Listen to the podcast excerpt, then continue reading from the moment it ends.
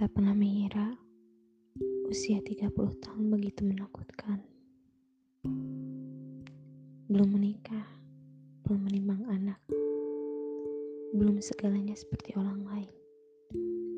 Tak pernah mengira aku selalu gagal dalam jatuh cinta. Dibuat menangis, kemudian ditinggal pergi. Kini satu luka yang baru saja ditorehkan oleh laki-laki yang baru beranjak dikenal.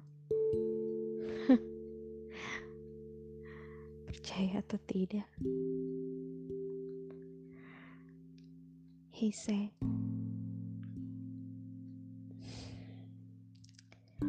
being ugly is a sin. That's what he told me. Speak louder than words. Mungkin bukan niatnya, tapi kata-kata itu menghujam, bersemayam hingga kini.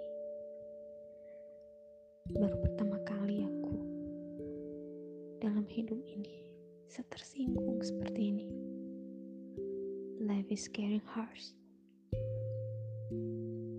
They speak like they care, tapi kenyataannya hati mereka tak pernah bisa bohong bara dengan melempar kata. And then this is a story about being dirty will begin.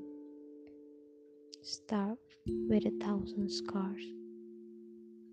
Dunia bersembunyiku jadi semakin dalam, makin gelap, dan jauh bersembunyi dalam senyum yang teramat palsu. Padahal sudah susah payah aku keluar percaya bahwa I will be a happy person as long as I can be myself, not being a people pleaser anymore. Awalnya pertanyaan itu bohong. Lalu pernyataan itu bohong.